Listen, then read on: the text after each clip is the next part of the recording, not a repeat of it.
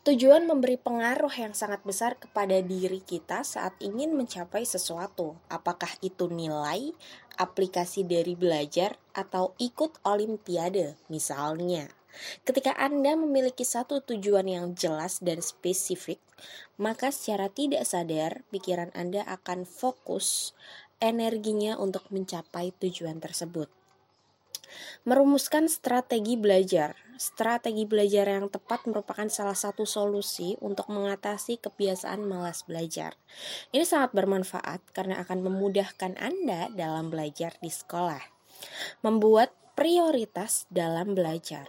Dengan membuat dan memberikan prioritas pada pelajaran yang Anda kurang kuasai, Anda akan semakin mudah mengerti materi yang sedang Anda prioritaskan untuk dikuasai. Bertanya kepada teman atau guru akan lebih mudah.